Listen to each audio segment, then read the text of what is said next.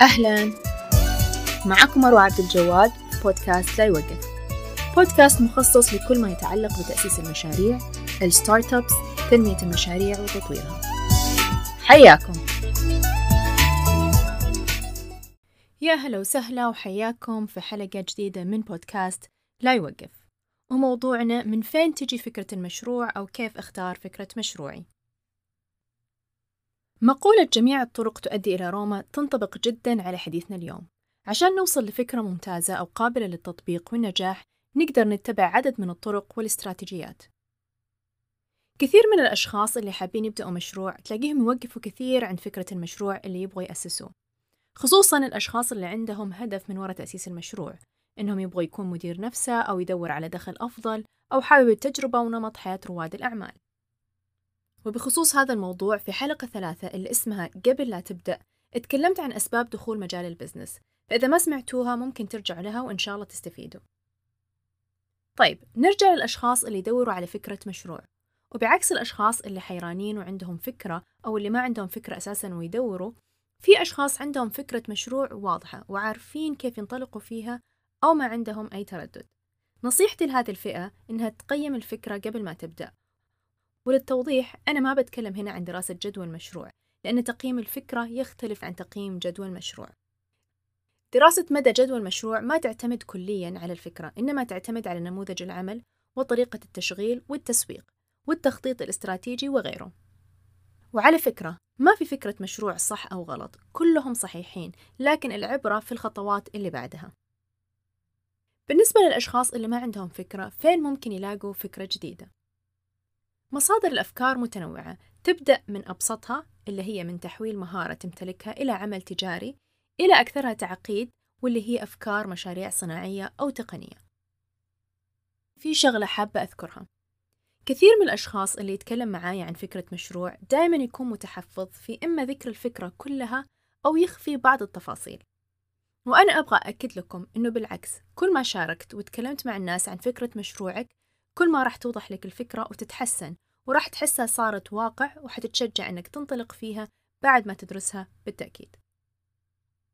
ونقطة للي يخبوا فكرة مشروعهم. وعلى فكرة أنا زمان كنت أتحفظ كثير في أفكار المشاريع بس تعلمت إنه قد ما تفكر إنه فكرتك ما خطرت على أحد أو إنها جديدة ومبتكرة وتخاف إن الفكرة تروح عليك وتنسرق تأكد إنه فكرة المشروع الجهنمية اللي ما حصلت واللي بتفكر فيها مرت على كثير من الناس وإما مطبقة بشكل ضعيف أو تحت التطبيق أو الفكرة موجودة عند شخص ما.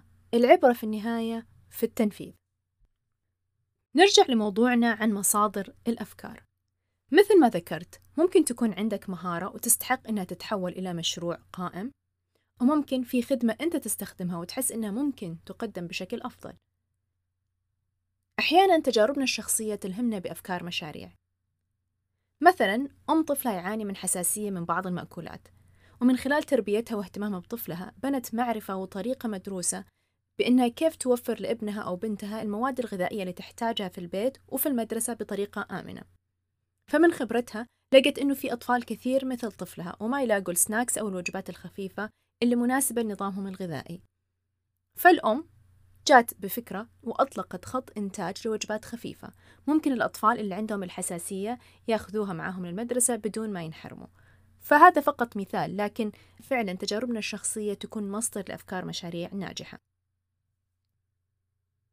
هل قد مرة دورت على خدمة أو منتج وما لقيته؟ أو ما لقيتيه وسمعت من كثير غيرك يدوروا على نفس المنتج أو الخدمة؟ هنا في فرصة مشروع حقيقية. أيضا الإنصات والمراقبة والتركيز من حولنا راح يوضح لنا أفكار لمنتجات وخدمات. هي أفكار ممتازة لمشاريع لو أحد أخذ المبادرة وأطلقها. وأحيانا أبسط الأشياء قد تلهمنا لأفكار مشاريع ناجحة جدا. أنا ما أأيد التقليد لكن ممكن يكون في مشروع قائم يقدم خدمة أو منتج ولسه السوق يحتاج منها أكثر. فهذه فكرة ممكن نبدأ منها وننطلق على أساسها. بالإضافة هدفك العام في الحياة أو اهتمامك وهواياتك ممكن تكون نقطة تنطلق منها بفكرة مشروع مميزة. النقاط اللي ذكرتها ممكن أيضا تكون مصدر لأفكار تطوير أو توسيع مشاريع قائمة. يعني حتى لو أنك تسمعنا وقاعد تقول أنا ومشروع الحمد لله عندي ما أحتاج فكرة حاليا. لكن لو خلينا عيننا على هذه الفرص أو المصادر راح نكون سباقين وجاهزين وقت ما نحتاج نطلق منتج جديد أو خدمة جديدة نضيفها لمشروعنا القائم أو نطور من خلالها نموذج العمل الخاص بمشروعنا. في فيديو على يوتيوب لرائد الأعمال ومؤسس حاضنة الآيديا لاب بيل جروس اتكلم فيه عن العوامل اللي تساعد في نجاح المشاريع. من ضمنها كانت فكرة المشروع. يمكن مو العامل الأهم لكن لها دور كبير. عشان كذا ضروري أنه نقضي وقت كافي في البحث عن الفكرة المناسبة ودراستها واستشارة أصحاب الخبرة والأشخاص اللي راح يضيفوا قيمة. إذا تدور على فكرة ولقيت الموضوع طول معك وإنك متردد بين كم فكرة شوف الأقرب لنفسك واللي لها مستقبل أفضل في الانتشار والتوسع. ادرسها كويس طور نموذج العمل واعمل كل الدراسات والتخطيط المطلوب واستشير أهل الخبرة. إن شاء الله تكونوا استفدتوا أترككم في أمان الله ولا يوقف.